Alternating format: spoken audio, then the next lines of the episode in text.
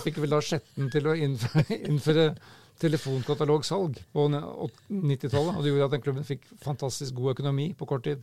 Ikke sant? Det er mitt minne fra Skjetten. Fra- fra Og når så du midten på- Dagsavisen var til og med ute og lagde en reportasje om, om dem. Fordi de solgte telefonkataloger. Ja, de fikk en slags enerett på å dele ut telefonkataloger over, over hele landet. For en katastrofe. Det var den gangen, var den gangen telefonkatalogen Nei, hva heter det? Telefonnumrene sto Ja, ja. i kataloger. Hva Ja. skjedde med klubbøkonomien etter, at, etter ja men jeg skjønner ikke. Fikk, telefonkatalogens fall? Skjett, fikk Skjetten, fot, fotballklubb Ja. fikk ansvar for å dele ut telefonkataloger i hele landet. Og det var en jobb, distribusjonsjobb de luxe. For en deal! Ja, For det skjønner jeg jo, men Ja. hvorfor du Ja, ja. Jeg skal, og vi Nei. trenger, ikke å gå videre inn på det. ikke.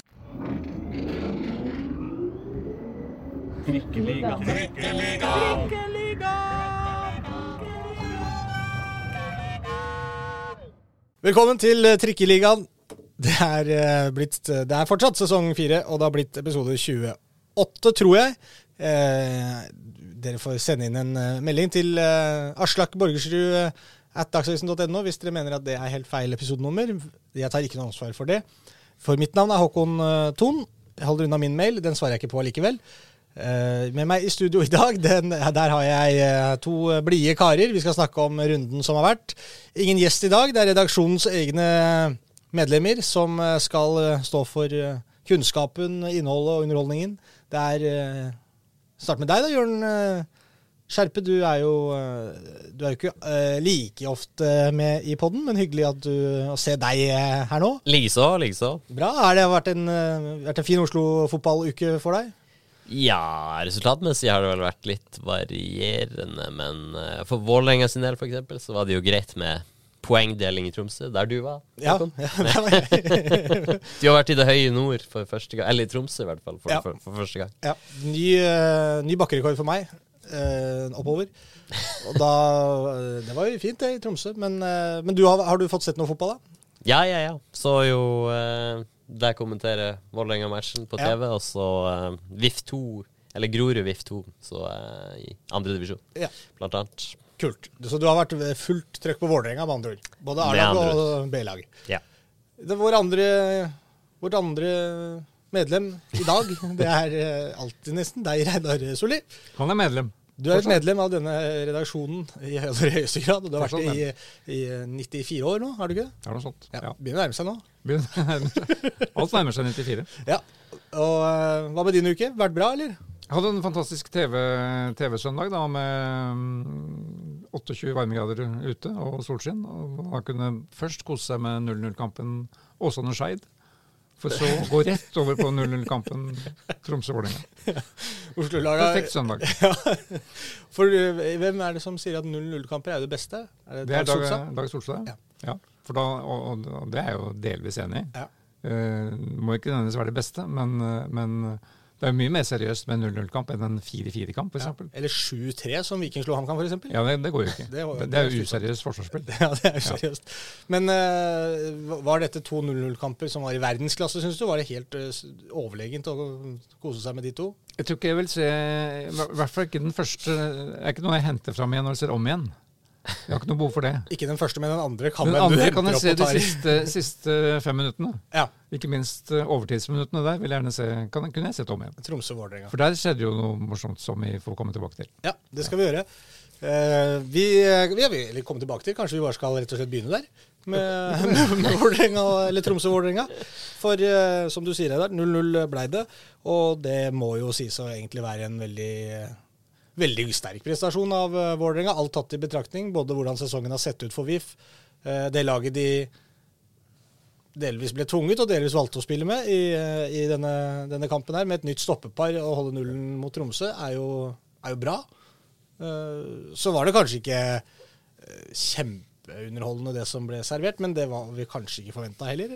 Ja, For Vålerenga tror jeg det handla om å få det ene poenget. Ja. Og ikke minst, det var mye, mye angst i kulissene rundt et helt nytt stopperpar, som du sier. Leonard Sota og Alexander Hammer Kjeldsen. Ja. Det var ikke så lett å se for seg den duoen eh, for noen, noen uker siden. Nei, Men fordi, eh, Sota har jo erfaring. da. Han har spilt mye midtstopper i, i tidligere i karrieren. Selv om han ikke har gjort det så mye. men selv på en måte om du setter to erfarne stoppere sammen, hvis de aldri har spilt sammen engang, så er jo selv da blir jo treneren litt engstelig, virker det som. Mm. For det er liksom dette med samarbeid og relasjonen dem imellom og sånn.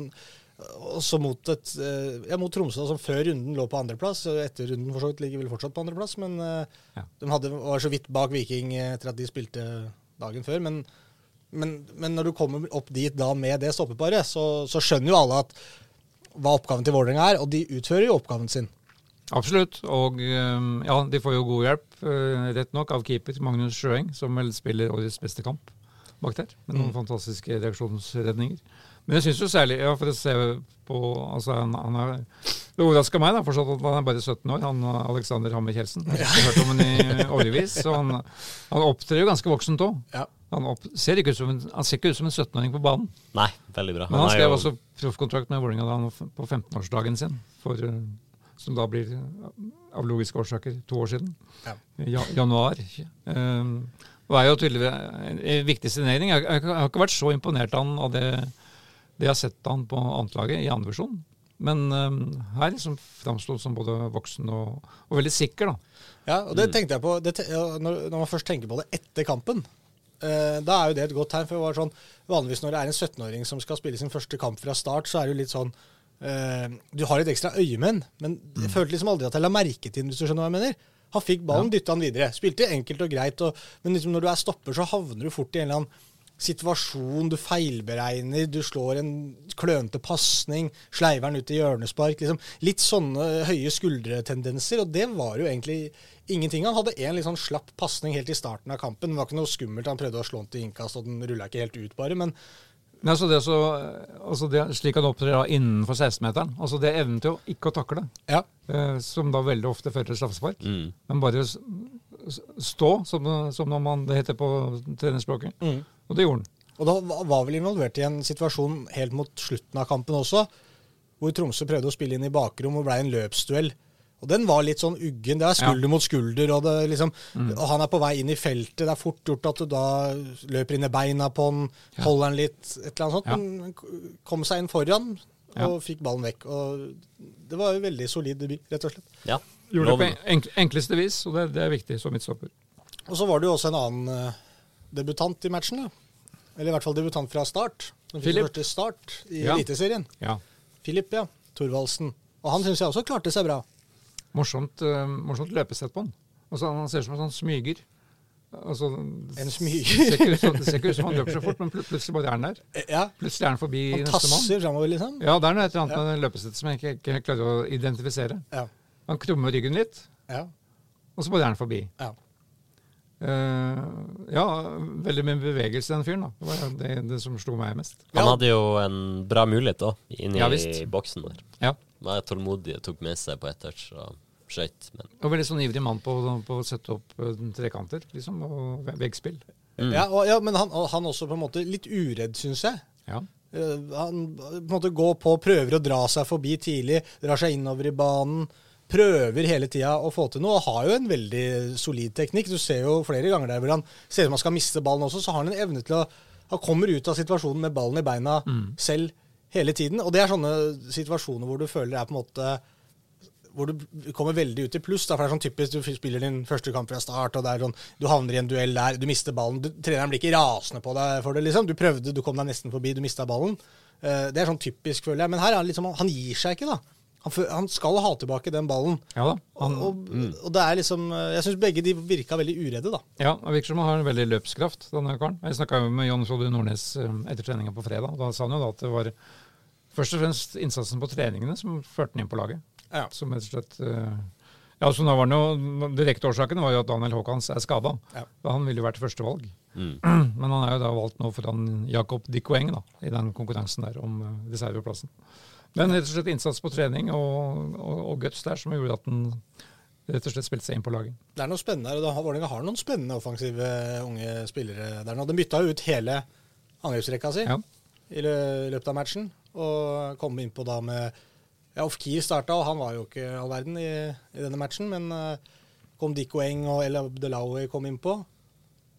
Og Børven Og Børven, på topp der. Ja, hele trioen ble bytta ut. Ja, og det er jo de som To av de i hvert fall da, som står for, eh, det som i hvert fall du Reidar, betegner som kampens eh, øyeblikk. I hvert fall med Vålerenga-briller. Kampens øyeblikk kom i det 94. minutt. Ja. Eh, Veldig stussa over det. Jeg så både TV 2s oppstilling på kvelden og NRK i Kveldsnytt. Det Som, som jeg hadde korte glimt fra kampen. Ingen av dem visste den, den, den situasjonen der. Nei. Nei. Av. Altså hvor da, det er Jonas som rapper ballen nede på høyrekanten her. Ja. Det, det er jo en god prestasjon. da. Veldig våkent gjort av han. Der ser du, bare for å ta, ta eksempelet motsatt vei, da. Ja. eh, På Hammer Kjeldsen i sin situasjon som var ikke mange minuttene tidligere, den som jeg Mhm. refererte til i stad. eh, Løser det veldig fint.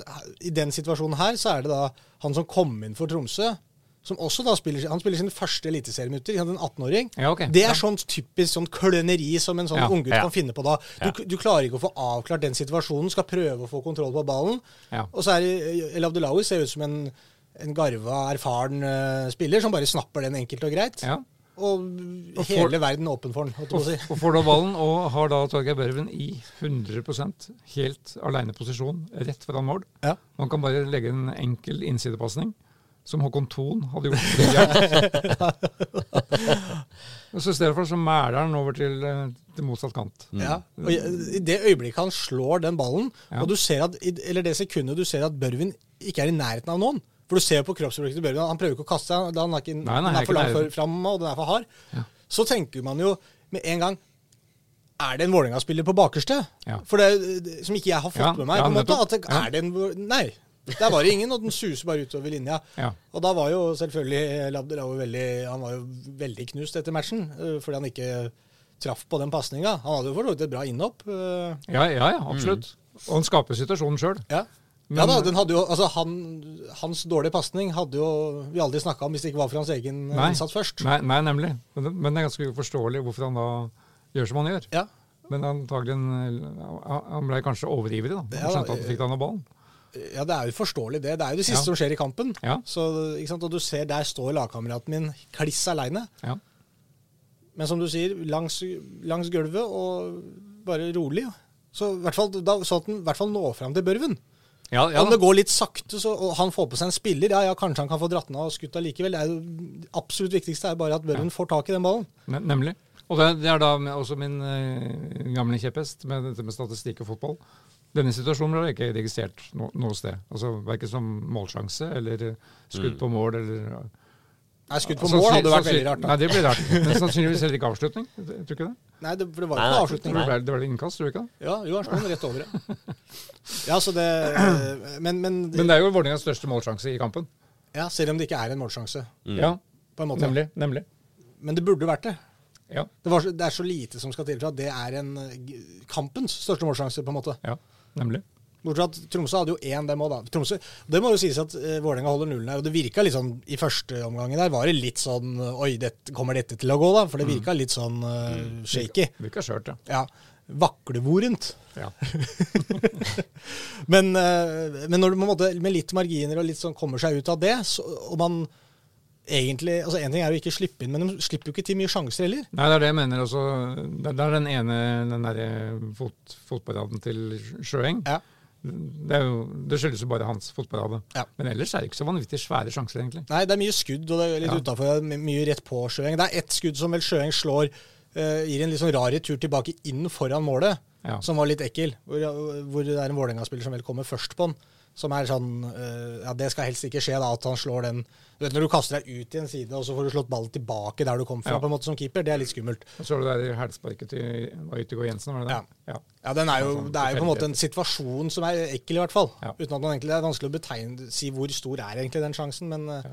men men Tromsø har litt mer enn Vålerenga, det er klart. Men, Ja. men jeg syns likevel det er veldig Det er ikke kjempemye stort, store sjanser de kommer til. altså. Nei da. Det er klart Vålerengas utfordring er jo fortsatt å utvikle det offensive spillet her. Ja, For de skårer jo ikke noe mål sjøl heller. Nei, nemlig. Eh, og nå virker ikke det som det var den store forventningen rundt det her. da. Her handla om å holde nullen. Men det er klart, i veien videre nå, så er det jo Ikke minst handler det om å, å, å få litt eh, grep på denne hjemmebanen sin, hvor de, ikke, hvor de bare har én seier. Ja.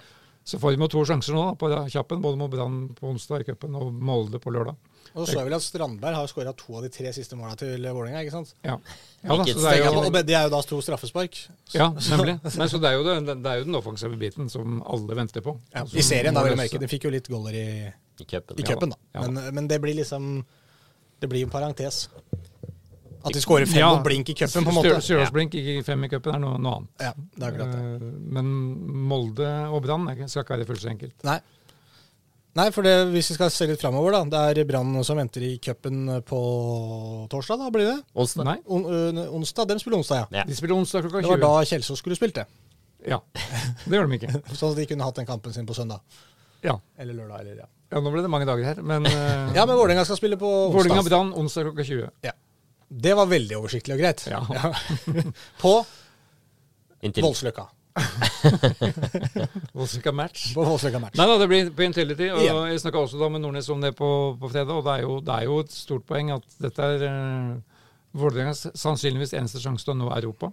Og det er en stor gulrot som ligger i den cupen. Ja, det er jo det. Uh, vinner man cupen, så er det europaspill, og det er det Vålerenga på sikt higer etter. Som supporter så er jeg litt sånn om Vålerenga altså, hvis, hvis man er Vålerenga-supporter, da, og så er det sånn alternativet er å havne på tabellen på en sjetteplass eller sjuende Nei da, men noe sånt Ja, som de har havna på de siste sesongene. Nei, men si at det var mitt lag, da. ja. ja. Uh, uansett hvilket lag man heier på. Så er det sånn så, Du kan vinne cup- og bli nummer eh, ti. Eller ikke vinner cupen og blir nummer seks. Så tar jeg jo cupgull og nummer tiendeplass ja, ja. i serien. Selv om ja, kanskje penger og noe sånt plasseringsmessig så har det litt å si at man det kommer litt høyere på tabellen. Men det er jo mye altså sånn, For å snakke cupen litt opp, da. Det er jo dritkult å vinne cupen. ja da, og så, og så er det jo viktig at den plassen også gir, gir en ekstra sjanse ute i Europa. Ja, og da har du liksom de de pengene du Jeg vet ikke hvor mye pengeforskjell det er på å bli nummer seks og ti i Eliteserien, ja, men eh, Det er noen millioner. Ja, Ja, men, men, det men kommer du deg til Europa, da, Ja, så kan det fort bli mye mer enn det. absolutt. Mm, absolutt. Og så er det en happening. Vi må ta vare på cupen, den statusen den har i Norge. Det blir ikke fullt heller nå, heller mot Ja, det er vel mange som føler at cupen noen, noen Vi som supportere kan ikke ta vare på cupen aleine. Trenger litt hjelp fra kanskje litt forbund og litt rundt omkring, som, som også har eh, prøvd, virker det som, å ødelegge den cupen litt. Grann, men, Ja, men- nå har det jo vært litt koronagreier som er årsaken til det. Ja, da, men det er litt sånn der, det, det er oppsett og, og hvem som møter hvem, og ja, bare sånne enkle ting som vi skal komme inn på med kampdagen til Kjelsås, som kanskje kunne vært onsdag, den òg. Ja da. Mm. Og, ja, litt sånne småting. Men jeg, for all del, jeg eh, digger jo cupen. Vi snakka jo med Jens eh, Bonde Aslagsrud sist han var her, Ja, ja. så i forrige uke, som gjest. Uh, hvor Han man liksom klarte ikke å bestemme seg. Nei, liksom, Mm. vil du rykke opp eller vinne cupen, på en måte? Jeg mener jo alltid at jeg tar cupen, jeg, altså. Det spørs litt hvilket lag du er, selvfølgelig, men uh, vinnercupen Ja, for et lag- cupen, det er jo historisk. Ja, det er historisk. Ja, for et lag som Kjelsås, som aldri har vært der, som aldri har vært i kvartfinale heller. Dem, eh, ja, det, er det er som vi snakka om sist, eh, det er noe man må huske resten av livet. Ja, det er jo sånn, det er sånn som blir satt opp et lite, en plansje på klubbhuset med det Ja, ja. laget. Et bilde av det laget. Kommer til å stå der i 500 år. Et opprykk til første divisjon, der de har vært før, det Ja. er jo ikke, er ikke Nei, på det, er, det er bra her og nå for de spillerne som er i klubben, Ja. men for klubben så er det jo mye tøffere med cupen. Ja. Det er vi helt enig i. Ja. Det vi. Så da er vi fortsatt om konklusjonen fra forrige gang. Drømmefinalen er da Vålerenga-Kjelsås. Ja. Ullevål 9. desember, som nå finalen er flytta til. Det blir, blir hel, helblått Oslo-oppgjør. Men vi kommer tilbake til Kjelsås. Har det noen Ja, det har vært et, hel, et Oslo-oppgjør én gang, er det sånn? I cupen? At to slag har møttes? Det stemmer. Men de møttes da til gjengjeld tre ganger.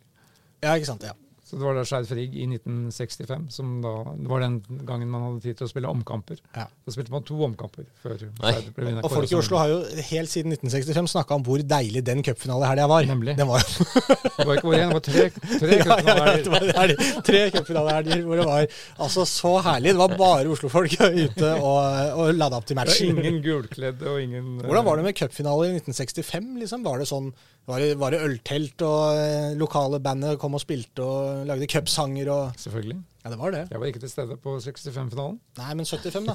65-finalen var jeg selvfølgelig til stede på. Ja, ok. 75 var jeg Ja, ja, var det det? Der, der måtte man jo være. Var det en lokal uh, høvding fra, fra Haugesund som kom til Oslo og spilte i et eh, øltelt på Kontraskjæret? Ja, det er helt riktig. Ja, det var det. Ja. Ja, bra. Forløperen til Vamp.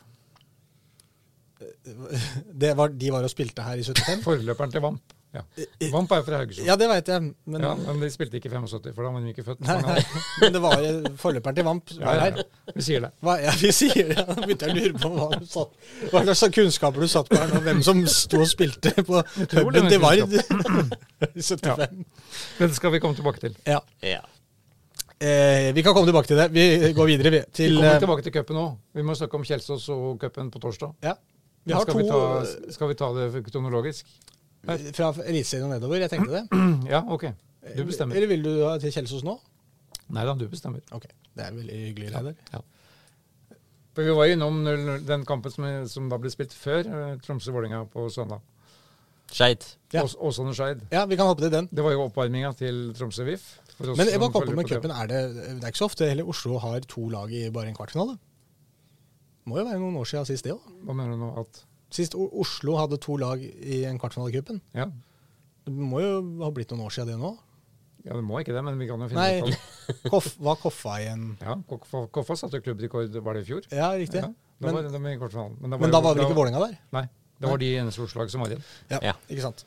Ok, samme det. Men vi kommer tilbake til vårt cup ekstra foran. Vålerenga-Kjelsås 9.12. Ja, ja, bare å sette av Vi spiller en pod noen dager før det. Ja, Kanskje live livepod det kan, det kan fort skje. oppå Kjelsås. Ja, Én på Kjelsås og én på Vålerenga. det kan også Det er så mange muligheter. Ok, nå Skeid mot uh, Åsane. De bortekamp i Bergen mot uh, laget som ligger sammen med dem i, uh, helt på bånn av tabellen. For var en festforestilling, Reidar. Eller? Det, det var ikke det. det dette, Ah. var en, det- dette var en bunnkamp i ordets rette forstand. Ingen hadde nytte av eh, det ene poenget. Begge hadde ti poeng før start. Altså... så, Ja, han ene Åsane-spilleren fløy jo ganske høyt, da, men Ja, de hadde jo en annullert scoring, da, som mange mener var eh, feil. Ja. Det, det er sånn som 50-50 om dommeren dømmer på eller ikke. Men klart det var, den, det var da den nærmeste en avgjørelse i denne kampen. for det eneste man på en måte kan forsvare det, altså, det har vel vært ganske sånn unisont at det er et enormt hopp han Åsane-spilleren gjør. Han flyr Ja. jo vanvittig høyt. Ja. Eh, og, og at det på en måte fratar det at han er såpass overlegen i duellen, at det slår tilbake på han. Ja. Samtidig så er det jo litt sånn når du hopper så høyt at du får eh, knærne inn i nakken, så er det jo vært et poeng ofte som folk også har ment når keepere går ut med, med Det er jo ofte fordi kneet litt sånn stikker ut og litt sånn, da, men Mm. man hopper høyt opp og treffer noen med bein, liksom, så blir det jo vanskelig å Men det er klart, han det er vel Hiksen som er i den duellen, tror jeg, for Skeid. Steiring. Steiring, kanskje. Ja. Ja. Men uansett, så, så han, er jo, han har jo ikke begynt å hoppe engang. Altså, han er jo helt uh, Nei, nei, nei da, altså, ja, det ser jo ut som en frispark, nettopp ja, en i, form av det du sier at han kommer så høyt med beina. Ja, Men det er jo en enorm prestasjon da, å komme så høyt. ja. Så, for han knuser jo rett og slett uh, Skeid-stopperen i, i den duellen. ja, fordi det er ikke noe, du, du må jo ha såpass mye spenst hvis du skal hoppe så tidlig. Ja. Men det, det var egentlig ingen protester fra oss han heller. Det Nei. var eh, veldig rolig etter den situasjonen. Ja. Men 0-0 i en helt døsen kamp ellers. Uh, også som VIF. Skeid kunne rappet med seg hele poengene på slutten her hvis uh, hvis Kristoffer Hoven hadde fulgt uh, Odd Iversens gamle tips. Det tuppes for lite i norsk fotball. Ja. Da fikk jo ballen helt, plutselig helt aleine rett foran gamle Skeid-keeperen Lysgård. Ja. Og Hvis han hadde tuppa den, egentlig greit, så tror jeg han hadde gått rett i kassa. Ja. Men han prøvde å, da, å plassere den med innside. Og da var Lysgård med. Ja. Ja. Han så hvor de ble plassert hen. 0-0, 11 poeng til ferien. Eh, ikke i all verden, kan man si, om Skeid, som har mye av de samme problemene som i fjor. Selv om de poengmessig ligger foran fjoråret, så står de da med to seire etter 15 kamper. Mm. Og det er vel samme som i fjor. Hvor de også hadde Åsane i, i tilsvarende runde, hvor de da tapte på overtid. Så det var jo, det er som du sier, det er, det er jo høsten som gjør det for seg, da, igjen. Igjen, ja. Eh, 11 poeng nå, og de hadde også endte på 28 i fjor. Så dette De er må kanskje ha 30 for å overleve. For å overleve. Så Skeid er foran skjemaet, de med andre ord. Altså, dette, Ja, men jeg tror de skal legge det skjemaet litt, litt til siden. For det var et, var et vold, De la jo opp til et voldsomt høstskjema eh, noen rundetider på høsten. der. Det Ja. gikk jo veldig gikk fort. rundetiden veldig, veldig ned. Ja. Så det Det er ikke opplagt at man gjør det to år på rad. Nei, det er ikke det. Spennende hva som skjer med Skeid i pausen, i sommerhvilen. Sommer. Ja.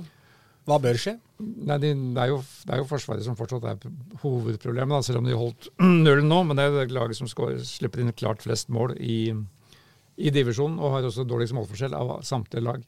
Ja. Så det er en kombinasjon av, uh, som, som det meste handler om i fotball, å ikke slippe inn mål og samtidig skåre noen. Ja. Det, det er en vrien øvelse akkurat nå.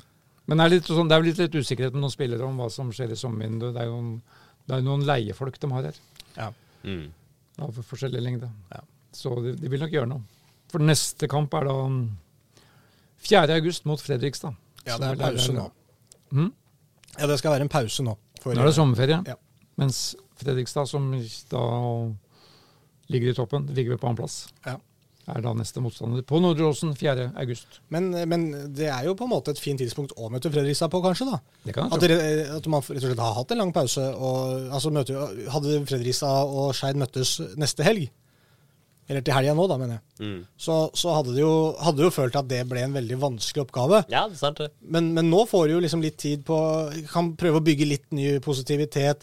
Ok, nå kommer høstsesongen, der var vi gode i fjor. Fredrikstad på en måte, de sitter og ser på tabellen og gnir seg hendene og tenker ja, nå begynner det å nærme seg eh, opprykk, ikke sant. Dette, dette kan jo ikke gå gærent. Og du veit jo åssen det går i Fredrikstad da. Da går det sannsynligvis gærent. Så, så, så jeg tror det er fint i hvert fall for seg. Jeg tror det er et bra tidspunkt å møte Fredrikstad på. Men Ja at det blir Ja en vanskelig kamp det, Men liksom, drar dem, er det hjemme eller borte? Det er hjemme, hjemme da. Ja, det hjelper. Ja, men får de med seg poeng der, da? Ja. Det er ikke mer som skal til. 0-0 i den kampen. Så har du både løst problemet med at oi, vi slipper ikke inn mål lenger, og vi tar poeng mot Fredrikstad som ligger i toppen, og så gønner vi på videre utover høsten. Det jeg husker jeg så det de to i treningskamp rett før seriestart. Helt jevn kamp på Fredrikstad stadion. Ja. Det var vel Fredrikstad som vant 1-0 på overtid, selvfølgelig. Ja. Men da hadde ikke Fredrikstad skåra på i hele vinter. Nei. Men nå er altså Fredrikstad 29 poeng og Skeid 11. Det er ganske sånn Vi skulle ikke for oss det da, i hvert fall. Nei. At det skulle være i bildet midtsommers. Det er det som er så rart med fotball, at bare du starter sesongen bra, virker det som. Mm. Kommer godt i gang, fem-seks første kampene, så er det liksom Ok, da er du et topplag, og da blir alle nervøse for å møte det laget. Oi, Fredrikstad er gode, ikke sant? Må vi legge oss bakpå. Må vi passe på. Mm. Det er kanskje ikke så mange som har lagt seg bakpå Fredrikstad. Fredrikstad har vel stort sett lagt seg bakpå mot alle de har møtt, men uh, nå har jo de også begynt å skåre litt. Men det blir spennende kamp. Vi må videre. Vi må videre. Hvis ikke du har noe mer om Skeid. Nei. Nei. Koffa neste, eller? Uh, vi skal snakke om Koffa neste, ja.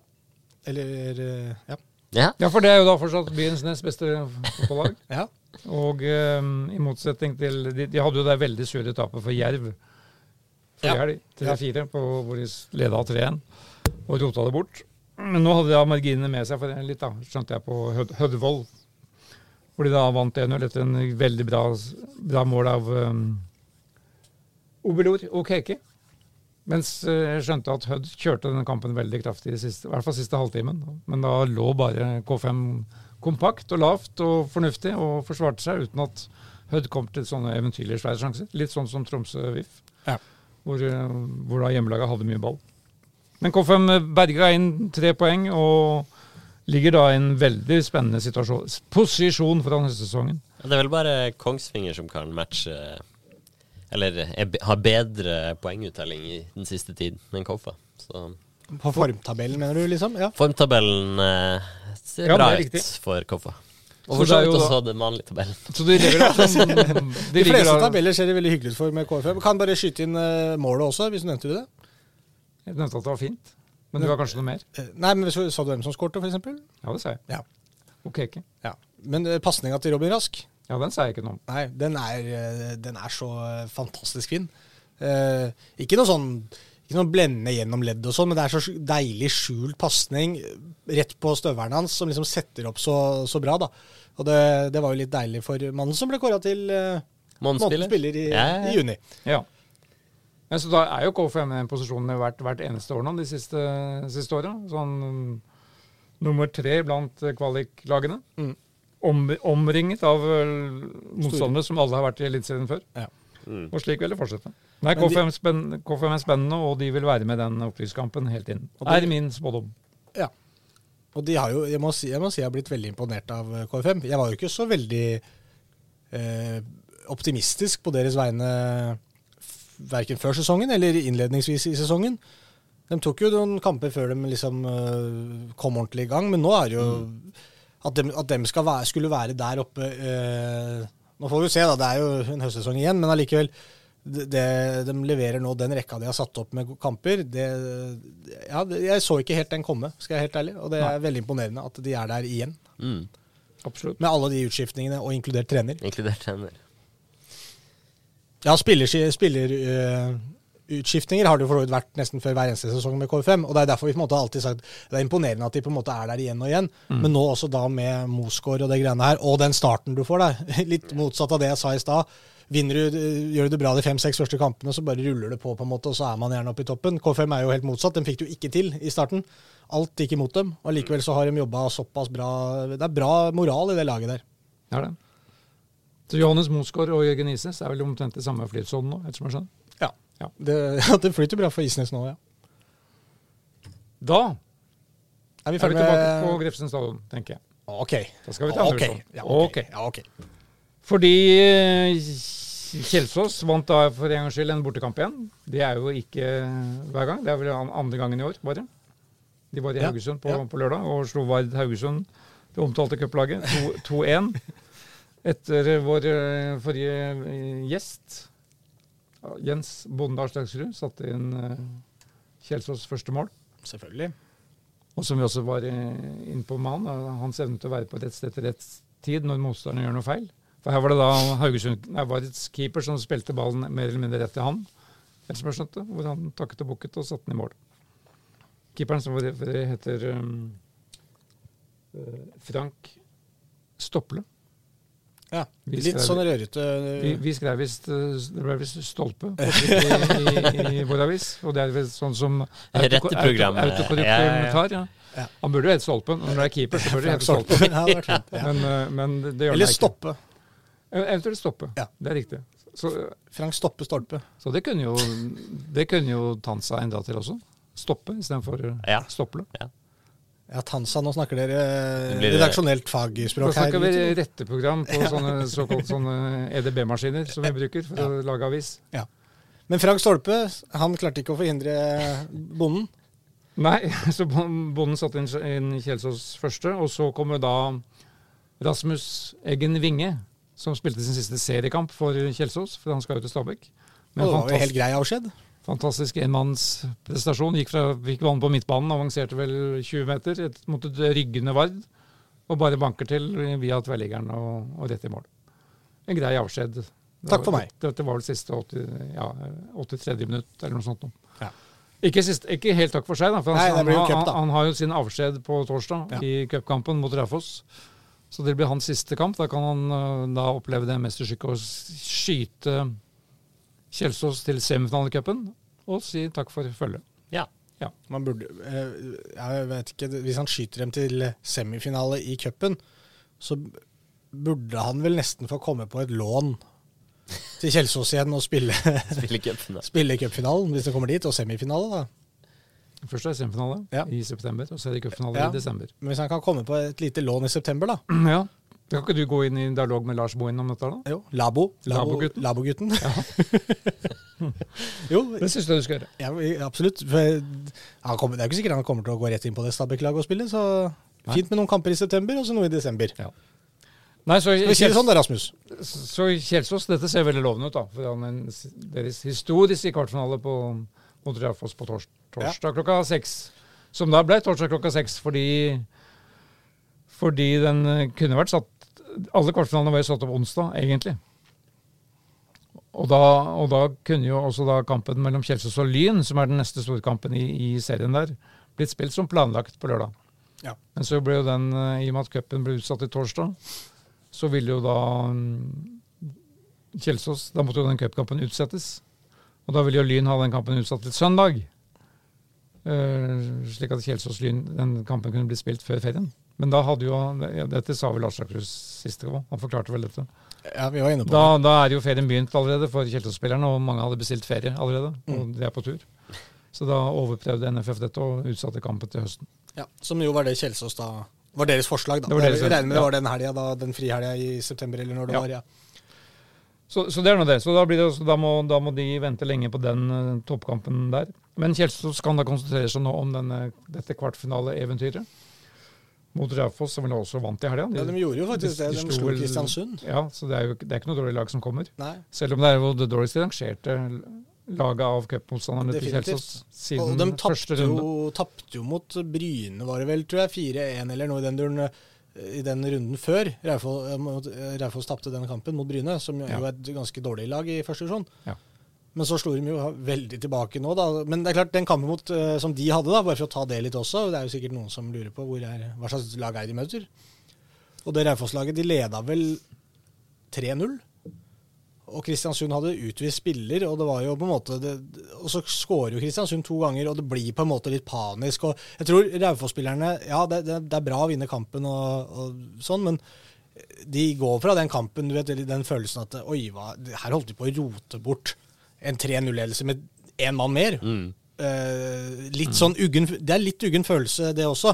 Det, er, det var, ble liksom ikke så kontrollert og behagelig som det kunne blitt. Så, så li, det det er det lille positive vi kanskje kan dra ut av det, sånn fordel Kjelsås da, i denne kampen.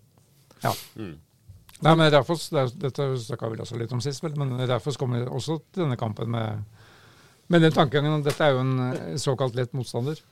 Uh, Kjelsås er jo lavere rangert enn dem. Mm. Dette skal de fikse. Og, og den tørre banen blir ikke så tørr lenger, for det er vel meldt masse regnvær i Oslo Ja, disse, disse, dagene. Så mm, Kjelsås har ikke det trekket å spille på. Men banen er vel fortsatt litt hard. Den er Ja, nei, kanskje det. Er ikke det. Vi er jo ikke noen eksperter på disse mattene. Det burde jo vært det. Du, ja. Ja, men Vi hører jo bare hva folk sier. Vi, eh, for oss så ser jo alle disse kunstgressmattene helt like ut, på en måte, men den ballen spretter jo ganske mye, har jeg skjønt, da, på, oppe på Grefsen også. Det er noe med det at den er så hard at ballen ja, det, er, ja, det er vanskelig å få den til å legge seg på bakken. Men nå er vel ikke Raufoss heller akkurat mest kjent for å spille tiki taka-fotball langs matta, så, så det er ikke sikkert det er noe Jeg så ikke Raufoss også her, for de, de slo vel Skeid her for noen uker siden. Ikke det? Jo, 1-0, var det ikke? Nei, jo. Det Jo, på straffespark. Det var jo ikke noe imponerende Raufoss-lag. jeg-. Jeg så da, i hvert fall. Ja. Så eh, dette er jo en helt åpen match, Helt åpen match. selvfølgelig. Vi har jo da fått um, i Dagsavisen en liten gjesteskribent eh, i anledning kampen, som heter Steinar Kirkebøen, som har, skrevet boka om uh, Kjelsås idrettslags historie. Heter den det? Boka, Boka om Kjelsås idrettslags historie? Er det navnet Neppe. på boka? Den heter noe med Det er veldig mye skifokus, tror jeg, i denne boka. ja. Ja, jeg husker, Lange pasninger er med i tittelen, og det stemmer jo. Ja. Stavtak og lange pasninger, eller noe i den stilen. ja, riktig. Dette skal vi finne ut av Skruknotter og Dette skal vi finne, finne ut av presist til um, semifinalen. Ja. Ja, for, da, for det er jo da 90 år siden Kjelsås var med i cupen for første gang. Det er ikke noen nybegynner i fotball, dette her, Nei. selv om mange tror det. Um, men det gikk, noe, gikk, da, det gikk da fem år før de vant sin første cupkamp.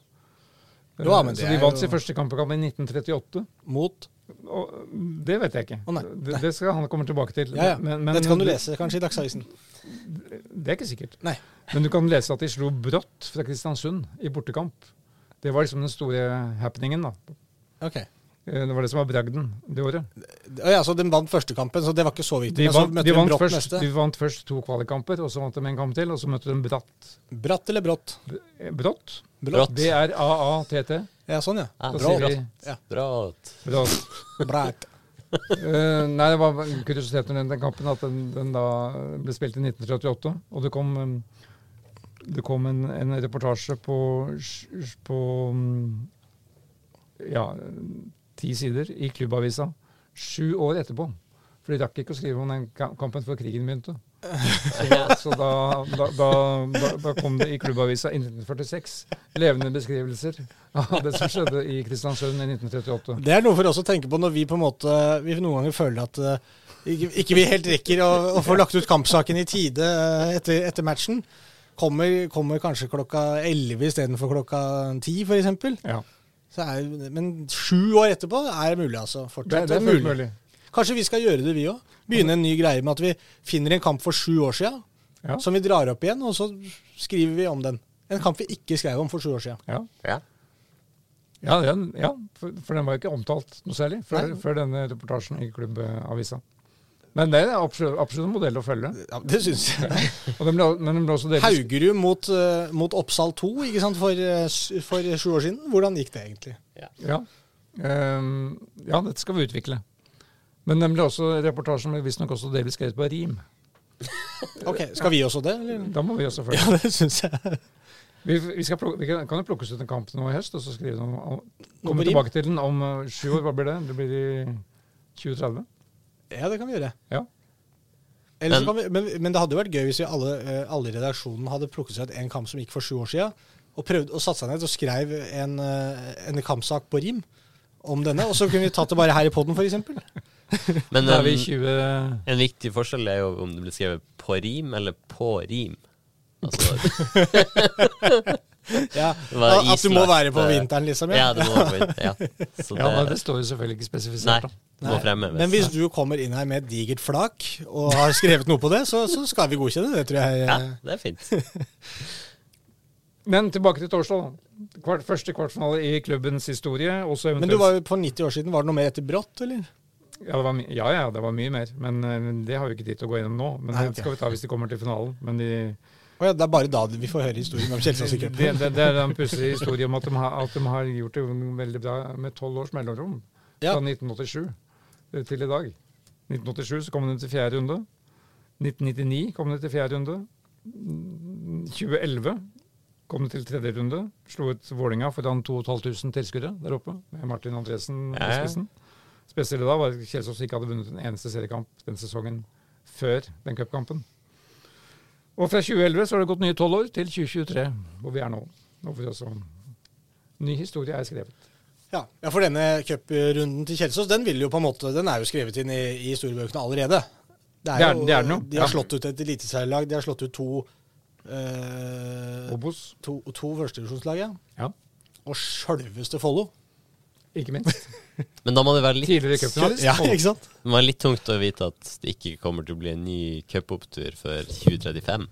Ja, det er selvfølgelig det- nedsiden. Så de må bare utnytte denne her de har nå. Dette må de nyte. Ja. Det tror jeg de gjør også.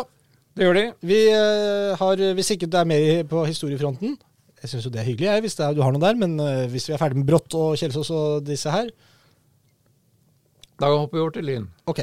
Som da Kjelsås som sagt skulle møtt denne helgen, men det blir ikke noe av. Så da har Lyn fått en ufrivillig lang ferie på en måned, og vel så det.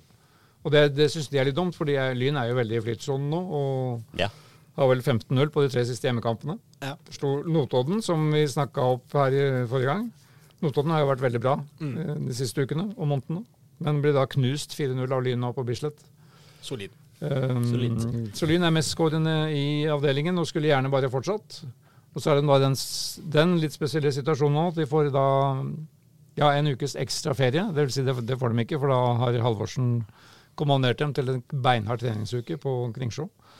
Det skal trenes uh, annenhver dag, i hvert fall, eh, denne uka her. Sånn er det når du skal rykke opp. Da har Fordi- du ikke tid til sommerferie. Nei, for at deres neste kamp er jo det, det som da kan bli helt avgjørende. Det er Egersund som, som kommer til Bislett.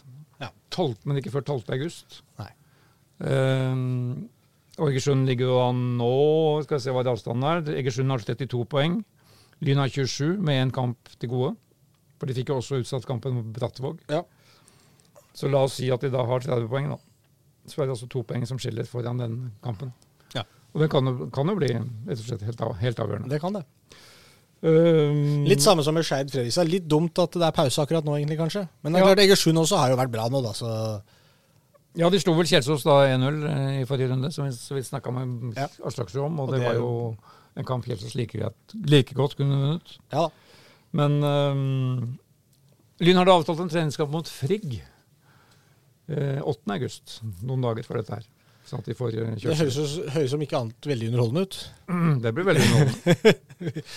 Hvis Frigg spiller som Frigg pleier, og Lyn spiller som de pleier, så blir det i hvert fall veldig offensiv fotball. Ja da. Ja, men det er viktig for Lyn å holde seg i gang. Og en, et annet pluss kan jo også være at de har, de har en del skader på sentrale folk, som da kan være tilbake til den kampen mot Egersund. Ja. Blant annet uh, Ibba. Mm. Uh, han Kristoffer Lindqvist, er det vel? Han fra til, tidligere Koffa-bekken. Ja. Han uh, er også på vei tilbake. David Tavokoli er visst lenger unna. Ja. Men ja, nei, så, men selv om det lynlaget som er nå, det er jo mer enn godt nok, ser det ut som. Eh, Det, absolutt. Fire forskjellige målskårere nå mot uh, Notodden, og spiller sprudlende og veldig god energi i den gruppa. Få eh, målskårerne hvis du har, har du målskårerne der. Bjørntvedt Olsen. William selv, selvfølgelig. Daniel Schneider og Julius Skau. Han som skåra mot uh, Vålerenga. det. Det var det kanskje. Ja. Så som sagt, de, de skulle gjerne bare fortsatt nå. Ja. Men det gjør de ikke. Men uansett, det er jo bare, det er jo bare en positiv greie. At man gjerne Ja skulle fortsatt. Det, det, Ja det går veldig bra for Lyn, og det er spennende å se hvor langt det kan gå. Vi var jo, det er, jo som Jan Halvor Halvorsen stadig minner om, de er et nyopprykka lag.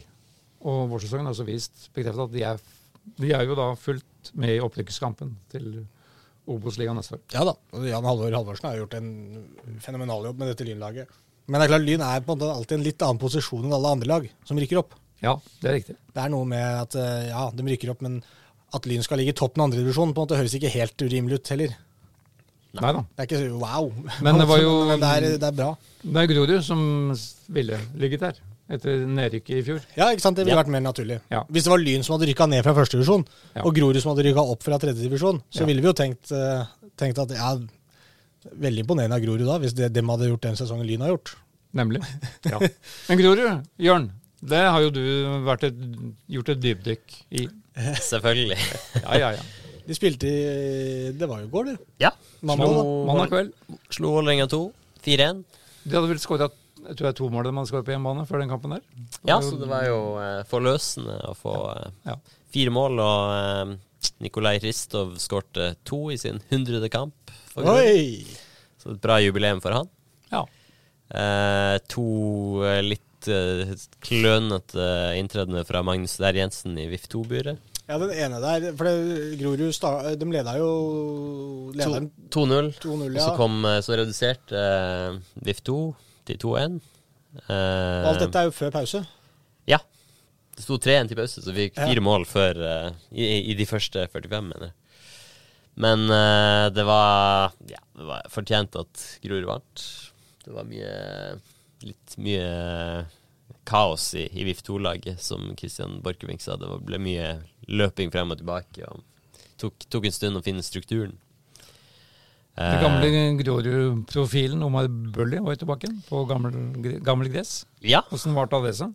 Han fikk én omgang og kjefta både til eh, egne trenere og fikk kjeft tilbake for å ikke eh, løpe og gjøre det han skulle. Så det kanskje- kunne vært bedre for Omar Bull i den omgangen. Men det som var positivt for eh, VIF, var jo Borchgrevink eh, Kristian Dale Borchgrevink igjen fikk en 45 minutter etter den lange, det lange skadeoppholdet. Bidro med assist på eh, Kurd sin, eh, sin scoring for VIF 2. Fin assist, fint innlegg fra høyre. Så han uh, sikter Borchgrevink sikter mot uh, A, fast plass på A-laget i august, sier okay. han sjøl.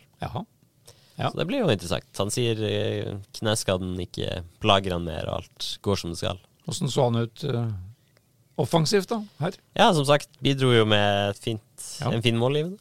Så uh, ellers så var det jo litt ymse fra hele VIF 2-laget, da. Men, uh, men lovende takter fra Borchgrevink. Ja. Og solid for, for Grorud, der vi venter fortsatt i innspillende stund på avklaring på trenerspørsmålet. Ja, jeg sjekka det akkurat nå. Det var ikke kommet noen meldinger, verken på deres egne hjemmesider, om da denne Al Alrik. -hmm. Ja. Som jo selv mener han skal fortsette. Ja. Og det er det sikkert gode grunner for, men det er da ikke formelt avklart. Men uh, avgjøres vel kanskje i dag, da. Ja, ja. Men hva eh, den skåringa som du var inne på der? Det var en litt sånn rar situasjon i den kampen hvor, eh, det, hvor det var en ball som eh, ikke jeg i hvert fall klarte å se var inne. Nei, eh, Magnus Stein Jensen kløna det litt til, men mente likevel at ballen ikke var over linja. Ja. Eh, og det var vanskelig å se, i hvert fall fra min posisjon, skrått der i Ja, ja, ja. Så vi Og for så vidt òg på TV-bildene var det vanskelig å se. ja. Men dommeren var sikker i sin sak. han, han tar jo ballen på en måte i lufta, da. Det er jo alltid da det blir vanskelig å se, selvfølgelig. Eh, og så ser det ikke ut som han på en måte dytter så veldig langt framover. Mm. Men når ballen da treffer bakken, så er den på en måte et godt stykke på utsida av streken. Ja. Så det er på en måte hvor langt inn var han egentlig? Jeg syns på en måte det så ut som den ikke kanskje Ja, kan Sånn Sannsynlighetsberegninga mi vil si at den, hele den ballen var vel ikke over, på en Nei. måte. Men det er klart, Umulig vi har dårlig vinkel. Linjemann står jo på linja da, og ser. Så det Ja, er klart han har jo mye bedre forutsetninger, så vi får anta at eh, den, den var grei. Og, og Grorud vinner da med tre mål, og det hadde, de hadde kanskje vunnet uansett om den gikk inn eller ikke, men eh, Ja, det er jo- godt mulig. Ja. Og uh, VIF2 bytta jo i kjent stil en del av A-lagsspillerne som, eh, som starta i, i pausen. De møter jo Brann i cupen eh, onsdag, så da bar jo det litt preg av det i andre omgang òg. Så. Grorud hadde grei kontroll, for så vidt. Men tilbake til Bully. Spilte han sentralt på midten, da? Nei, han spilte på venstre. Venstre flanke. Ja. For han har vært, eh, Jeg så ham på trening på fredag. Da var han veldig morsom å se på. Ja. På, på inntil Ja. Nei, han fikk ikke så mye å jobbe med, og jobba kanskje litt for dårlig sjøl òg, så Men jeg tror på en måte at inni hodet hans så er på en måte komme opp til Grorud der nå, spille andredivisjonskamp. Det er liksom ikke derfor han dro. Nei. På en måte. Jeg, jeg, er, veldig, jeg er veldig, veldig spent på å se han i Eliteserien. Når han liksom Ja. kommer ut på den store scenen. Jeg tror liksom det er det som kler han. Ja da. det Han er, med, han er litt ferdig med det der oppi huet sitt, tror jeg. Med Ja. å surre rundt med å spille for 400 tilskuere, på en måte. Han har lyst til å vise seg fram for de litt større massene. Men det er klart, skal man inn der, så er det, noe, er det en fin vei inn da, å vise seg fram i disse andrelagskampene. Men mm. uh, vi får se. Kanskje han får en mulighet mot, uh, mot Brann. Ja. Det kan hende. Vi nevnte forresten om eh, trenersituasjonen i Vålerenga. Ja, nei, det hoppa vi litt over. Ja. Vi Vi kan godt over. prate litt om den. Ikke at vi har så mye å melde. Nei, men vi har, vi har jo sittet her i noen episoder, og vi har jo meldt eh, det ene og det andre. Ja, forrige gang utdypet vi vel Lars Leg- Lagerbäcks besøk i garasjen-anlegget på, på Intility. Ja. Vi har vært noe innom pøls, pølsekøen med Henning Berg med deg. Det viste seg jo å stemme, det. Han virka ikke så eh, Nei, hva- du, du snakka med ham i en pølsekø, gjorde du ikke det? Nei, Det det var ikke pølsekø, kanskje? Nei, det var ikke kø. Nei, det var bare det, var, i- det var ingen kø, faktisk. Nei. Men det var foran pølseboksene, eller heter det pøl Hva heter det for noe? pølsebua. Nei, altså denne, hva heter det de grytene, de store metallbeholderne som du lager, noen lager varme pølser i? Wienerpølser Ja, altså de heter jo en det kokeapparat, kanskje? Jeg vet hva søren. er Ja. Nei, det, det var foran eh, et stikk Kokeapparatet typt kokeapparat da. Under, under siste landskamp. uten kø. Norge Få med alle de viktige detaljene her. ja, I men det, pausen mellom Norge og hvem var det jeg spilte mot? Kypros. Kypros, ja. For han hadde jo spisekompetanse på Kypros. Nei, da- spisekompetanse. Da spiste vi pølser foran pølsebeholderne, Ja. som det nå ble hetende, på, på Ullevål stadion. Og da var det jo spekulasjoner om at den skulle til, til Vålerenga. Ja, jeg du mener at Du fikk jo et inntrykk der av at eh, det ikke kom til å skje. Var det ikke det, det du sa da? Jo, jeg husker ikke hva jeg sa, men jeg fikk et inntrykk at det ikke kom til å skje. Ja. Selv om han i hele sin internasjonale trenerkarriere har bodd på Lørenskog, eh, eller familien, da, og hatt det som base. Ja, det var noe om med at han snakka om Lillestrøm, og det var noe Og lyn og Lyn og- Ja, ja da, vi snakket, ja, det stemmer det. Så ikke sant, Den researchen du gjorde der, ja, der viste seg å være spot on. ikke sant? Ja, Henning Berg skulle ikke til Ja Vålerenga. da, Og kun dager etterpå så var han jo klar for AIK. da. Ja, ja. Og garasjeanlegget, der var det Lars Lagerbäck, men han fikk du kanskje ikke prata med? Han fikk ikke, han fikk ikke vi snakka med, for det var jo bare en Twitter-melding Ja. fra et eller annet sted, Ja. og som bare forsvant ut i løse lufta, for ingen har tatt opp tråden, Nei. åpenbart. Men eh, min spådom eh, innledningsvis etter Fagermo-sparkingen var jo at kanskje VIF kommer til å gå for en utenlandsk trener. Ja. Og den eh, påstanden kan jo få litt varmt på mølla etter siste Ære være-episode på TV 2. Ja. Der eh, man fikk se Joakim Jonsson snakke engelsk med en av kandidatene. Ja. Så hadde de selvfølgelig beepa ut stemmen til Ja. vedkommende. Da, men da, ut fra den settingen der så vil det være veldig overraskende hvis andre enn TV 2 kommer da med nyheten Ja. Litt skuffende for TV 2 hvis, hvis de ikke får breake den. Som da faktisk er med på alle intervjuene som gjøres. Ja. Det er klart, Hvis, hvis, Men TV, hvis, men var det- TV2-saken kom- hvis den TV 2-saken kommer at TV 2 erfarer Ja. at, at Vålerenga er i samtale med den og den, Ja. så bør det være riktig. Så nå kan vi erfare at vi er i samtale med en som ikke snakker norsk. Det er- Ja, er eller som vi sa før vi kom på lufta her, en dansk En danske som ikke skjønner, skjønner norsk godt. Ja. Men ikke skjønner svensk-norsken til Ja, Joakim Jonsson. Det kan være trøblete, den. Ja. Ja. Ja, så, så egentlig har ikke noen kommet et eneste skritt videre. Bortsett fra så at det var nye baner igjen, også på Romsa Arena, mot uh, klubbledelsen i, i Vålerenga. Ja, altså Jeg var jo som sagt oppe apropos det, jeg var jo oppe i Tromsø på jobb. Eh, Og jeg snakka jo med Gaute Helstrup før matchen. Eh, Nå ble ikke det tatt med i intervjuet som vi brukte, for det var ikke så veldig spennende. Men jeg spurte han jo om, om det var spesielt å møte Vålerenga etter at han har på en måte blitt linka litt til klubben. Mm. Og han smilte jo liksom litt sånn lurt og var sånn "Nei, altså det, det blir en helt vanlig kamp på en måte, liksom. Men eh, bare ansiktsuttrykket hans Det var egentlig når jeg snakka om dette med de som var på jobb der oppe, at det, det eneste morsomme med det svaret, det var ikke det han sa, men det var ansiktsuttrykket hans som på en måte var det Ja, Okay. morsomme. Mm. Hvor han liksom flirte litt og smilte litt og var sånn Virka i hvert fall ikke utenkelig at de har prata sammen, på en måte. Selv om det kanskje ikke har vært eh, så kanskje ikke er aktuelt for den, så er det litt sånn at det har vært en kontakt der, er ikke helt utenkelig. Mm. Men jeg, jeg, jeg ser liksom ikke helt det skje. Nei. Jeg syns det er veldig rar signering av Vålerenga også, hvis de henter den. på en måte. Ikke sånn, Han har jo gjort det bra, men han har gjort det bra i en halv sesong da, med Tromsø. Nei, jeg tror heller ikke det kommer til å skje. Det, um, Og så er det liksom ikke noe til, tilknytning sånn sett til Vålerenga. Jeg tror ikke, eh, En ting er Vålerenga, som jo kanskje de ville hatt, men så har du Helsrud på andre sida, som jeg tror ikke han heller er sånn wow, helt inn på den jobben der. Når det går såpass bra med, med Nei, Tromsø. det er ikke sant. Ja. Og han virker jo som en fyr som Han kler jo Tromsø veldig godt, da. Mm. Han er jo lokal der oppe og snakker liksom om de rette tinga av hvordan den klubben skal framstå og være, og, Mm. som en nordnorsk eh, lag, da. Ja, du er jo på en veldig opp, opptur nå. da. Ja, det blir liksom rarere å stå og snakke om liksom østkanten i Oslo, og det er dette som er liksom vår historie og sånn. Det gir mer troverdighet når han prater om sånn der eh, standhaftigheten oppe i nord, og vi står han av og liksom alt det greiene der. Når han sier det, med sin dialekt som Tromsø-trener, så gir det liksom mer gjenklang. Ja. Mens jeg kan liksom ikke stå nede i Oslo og si sånn, det ikke sånn Dette gjør vi for gatene. Dette gjør vi for eh, Etterstad. Det gjør du for Galgeberg. Det blir liksom Men Eirik Kjøne gjorde jo det med Grorud, det husker jeg veldig godt. For vi kjørte jo samme opplegg som Ære være Husker du ikke opp, eh, opplegget mitt med den uka jeg hadde Det var bare en uke, da. Ja, ja. På Grorud. Da var jo vi også med på alt mulig av eh, når de diskuterte spillerkjøp og salg og alt dette her. Men da husker jeg at jeg sneik meg ut foran døra til eh, Grorud før de skulle da møte Ranheim, og hørte på gjennom døra på, på talen til Kjøne. Mm.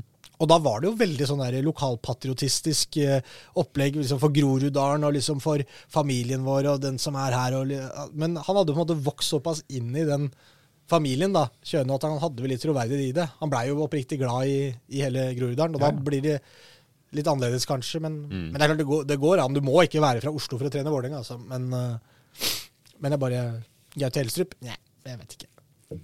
Så må vi nevne i en bisetning at Amor Lajoni-sagaen er over for godt i Vålerenga. Ja, han har jo ikke lagt opp, da. Så Sagaen kan jo ha flere akter. I, I teorien kan han komme tilbake. Ja, kan jo det. Han er klar for hekken, ja. For Men han, han har vært i Høgmo og Hekken, ja. han var jo fortsatt på fredagens trening Ja. til en viss interesse. Men uh, det er avklart, ja. Uh, apropos Kjøne, ja, vi, han har jo ikke nevnt i uh, Vålerenga-spekulasjonene. Han er jo også ledig på markedet. Han er jo det. Vår mann i, som nå jobber i norsk toppfotball. En som ikke er ledig i markedet, er da uh, En som ikke er tilgjengelig for Vålerenga, er da breaking news fra vår sommervikar øh, Sebastian. Okay. Som kan melde at Andreas Alrik har fått forlenget kontrakten med Grorud. ja. kult. Så han fortsetter der oppe. Det tror jeg er et bra valg. Det er i hvert fall et morsomt valg, og spennende valg. Så, Ja. og, og, apropos typer som passer en klubb. Ja. Andreas Alrik kler Grorud eh, perfekt. Absolutt. Så dette, dette applauderer vi. Ja, Ja. Det var i hvert fall, eh, ja jeg syns i hvert fall det er et eh, På dette tidspunktet virker det som et smart valg. Få avklart situasjonen, han får ro, han får eh, forhåpentligvis litt tid. Og hvis det der funker, så kommer Andreas Alrik til å bli en farveklatt i norsk fotball. Enten med Grorud, eller kanskje han kan ta det enda lenger, han òg. Ja. ja.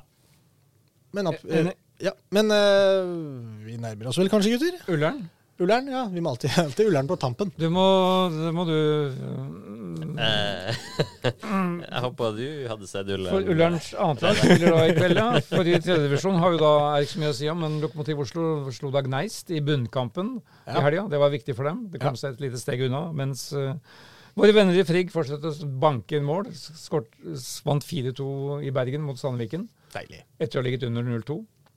Nå er de oppe i 47 mål på 13 kamper. Ingen i de fire øverste ligaene har mer enn Frigg akkurat nå. Det skyldes nok litt at Strindheim, som da lå foran dem, eh, nå har, har ferie. Så har spilt et par kamper eh, Ja, okay. Ja. Men eh, per fakta så er det ingen som har skåret mer enn Frigg i Norge. Toppfotball. Noen ganger. Noen ganger. Men det hjelper ikke så mye, for det avstanden til toppen er konstant på ti poeng opp til Lysekloster, som vinner alt de kommer over. Ja. Slår alt de kommer over. Ja. Slår, rett og slett. Tilbake til Ullern, uh, Jørn. Oh. Eh, ja, vi, eh, Skjetten Ullern 2, var det det du skulle frem til? Gårsdagens Var var den? Nei, det var vel Nei, det er fair. Jeg bommer. Det er ferie, Ja, ja, ja.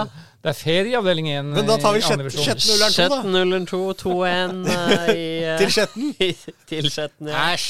Jeg husker alltid Skjetten. husker jeg på, Da jeg spilte Championship Manager eh, 98 Ja. på maskinen min. Da husker jeg at det sånn- Skjettenlaget brente seg fast. Sånn, I hvert fall fargene, for de var grønne og svarte, husker jeg. Ja, fortsatt grønne og svarte. Ja, og Det var de og Finnsnes vel, som hadde sånn grønn og svart som blinking. husker jeg, Så sleit jeg alltid noe jævlig mot Skjetten. Ok. Så jeg Det- likte ikke Skjetten. Ja. Jeg likte ikke Skjetten. Nei, altså jeg hadde jo, Hvis du husker Morten, hvis du heter Mortensgro på Gardermoen, nei på Gardermoen, så er jeg på Gjelleråsen. En veikro som ligger mellom Gjelleråsen og, og Hellerudsletta. Med bakken der. Der ja. ligger det en kro som har ligget der i, siden 1965. Ok. Morten gikk jeg selvfølgelig i klassen med. Ja. Og han innførte da Men det heter Mortens Kro. Ja. Ja. Nei, den har jeg ikke hørt om, tror jeg. Ja, det, alle, alle på Gjelleråsen vet om den. Ja, men jeg er veldig sjelden oppå der. Din kollega i- Gjelleråsen for meg, det er innebandy og Ringnes Bryggerier. eh, ligger vel oppå der. Ja, det er riktig.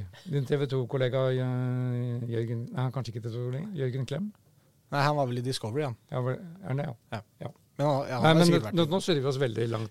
det er greit. Eh, ja. Skjetten var da poenget. Det var at han, denne Morten Morten han fikk, Skro. vel, han fikk vel da Skjetten til å innføre, innføre telefonkatalogsalg på 90-tallet. Og det gjorde at den klubben fikk fantastisk god økonomi på kort tid. Ikke sant? Det er mitt minne fra Skjetten. Fra- på- Dagsavisen var til og med ute og lagde en reportasje om, om dem. Fordi de solgte telefonkataloger. Ja, de fikk en slags enerett på å dele ut telefonkataloger over, over hele landet. For en katastrofe. Det var den gangen, var den gangen telefonkatalogen Nei, hva heter det nå? Telefonnumrene sto Ja, ja. i kataloger. Hva Ja. skjedde med klubbøkonomien etter, at, etter ja men jeg skjønner ikke. Jeg fikk, Skjetten, fot, fotballklubb Ja. fikk ansvar for å dele ut telefonkataloger i hele landet. Og det var en jobb, distribusjonsjobb de luxe. Det i. For en deal! Ja, det skjønner jeg jo, men Ja. hvorfor du Ja, ja. Jeg skal, og vi Nei. trenger, trenger ikke å gå videre inn på det. Men det forklarer jo i hvert fall da jeg spilte Championship Manager 98, at Skjetten hadde da mye penger å rutte med, tydeligvis. De, da. Ikke sant? Det er derfor de stadig stilte med et godt lag, for et lag jeg aldri hadde egentlig hørt om. Men nå er vi langt ute der for trikkeligaens uh, ikke så langt, da. Det er Skjetten. Men jeg skulle si Kristoffer Blix skårte to for Skjetten, mens uh, Jakob Kleve Broch, som vel er sønn av skuespiller Ja, ja, Nicolai Nikolai. Kleve Broch, uh, skårte for Ullern 2. Ja, ja, ja. han, har ikke han først og også vært i Vålerenga? Han som skårte for Skjetten? Blix? Blix? Det vet du bedre enn jeg, i så fall. Ok. Ja. Ja. det visste jeg ikke. Men Kanskje det er litt penger i Skjetten fremdeles? Kanskje de fortsatt deler ut telefonkataloger? Kanskje det er de som driver 1881.no nå? Ullern 2 og Grorud 2 er begge under streken i eh, avdelingen. Det er bånd. Ja. en av dem spiller vel i kveld, tenker jeg. Eh, I kveld, for de som hører på, hva betyr det? Reidar? Ja, hva betyr det? Betyr, det betyr eh, tirsdag kveld? Nei. Nei, ingen, ingen spiller ingen spiller i kveld. Ingen spilte Ingen spilte i går kveld. Jeg syns Nei, det, men er- jeg da- det er så hyggelig at dere på en måte nekter å eh, legge på røret her. Nå. Det, Ja, da, ja, ja. mer Skjetten. Dere bare fortsetter. Mer Skjetten-info. Hvis jeg bare er stille, så skal jeg se hvor lenge det varer. Vi må jo innom damene før Ja. vi legger på. Ja. De er jo som kjent i, i Auckland nå for å finne ut om Guro Pettersen skal være førstekeeper eller andrekeeper eller tredjekeeper på det Er vi norske, der? norske landslaget. Nei, de, sa jeg. Ja, de, ja. Det Norske landslags fotballandslaget. Jenter. De er der for å finne ut om Guro Pettersen skal spille. Det er derfor de Da- er i Auckland. Ja. Det er en av grunnene til at de er der. For de spiller da sin første kamp 20.07. mot New Zealand i VM. Men eh, mens, mens de er der, så har da Vålerenga handlet litt. Så de har da hentet inn en ny midtstopper, fordi Stine Ballisager er jo, har jo forlatt klubben.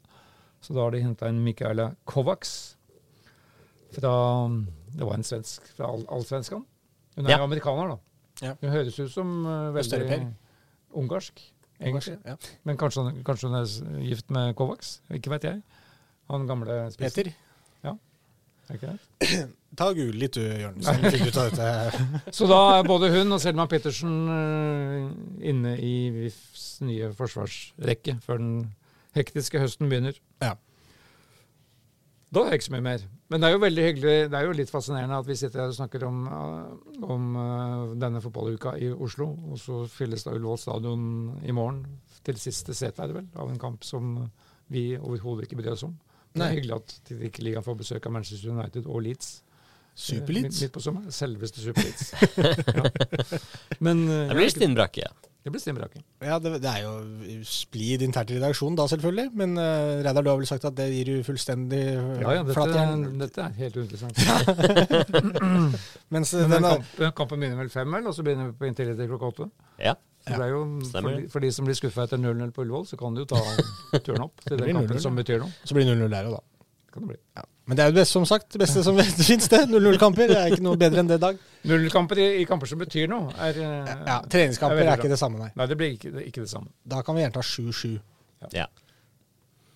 Hva var det du skulle google, eller fant du ut noe? Jeg f tror ikke det er noe forbindelse mellom Peter Kovacs og den nye Vålerenga-spilleren, men garanterer ingenting. Men dette er sikkert vår, øh, vår opprinnelige programleder Aslak Borgersrud veldig opptatt av. Så han- jeg regner med at han graver dy dypere i dette. Han kan gjøre det. Ja. Hvor enn han er. Uh, ja. Har dere noe mer, eller?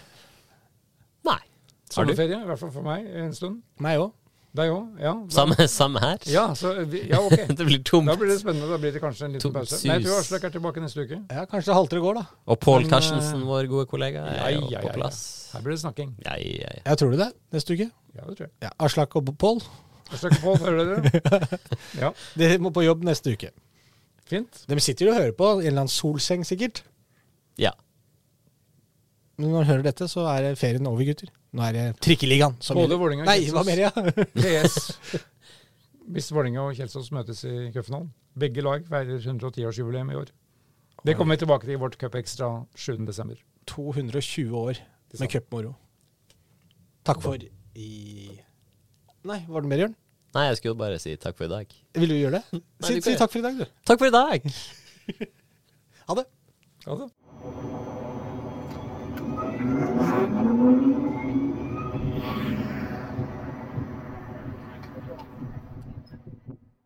Du har hørt en podkast fra Dagsavisen. Ansvarlig redaktør heter Andreas Heen Haaland Karlsen.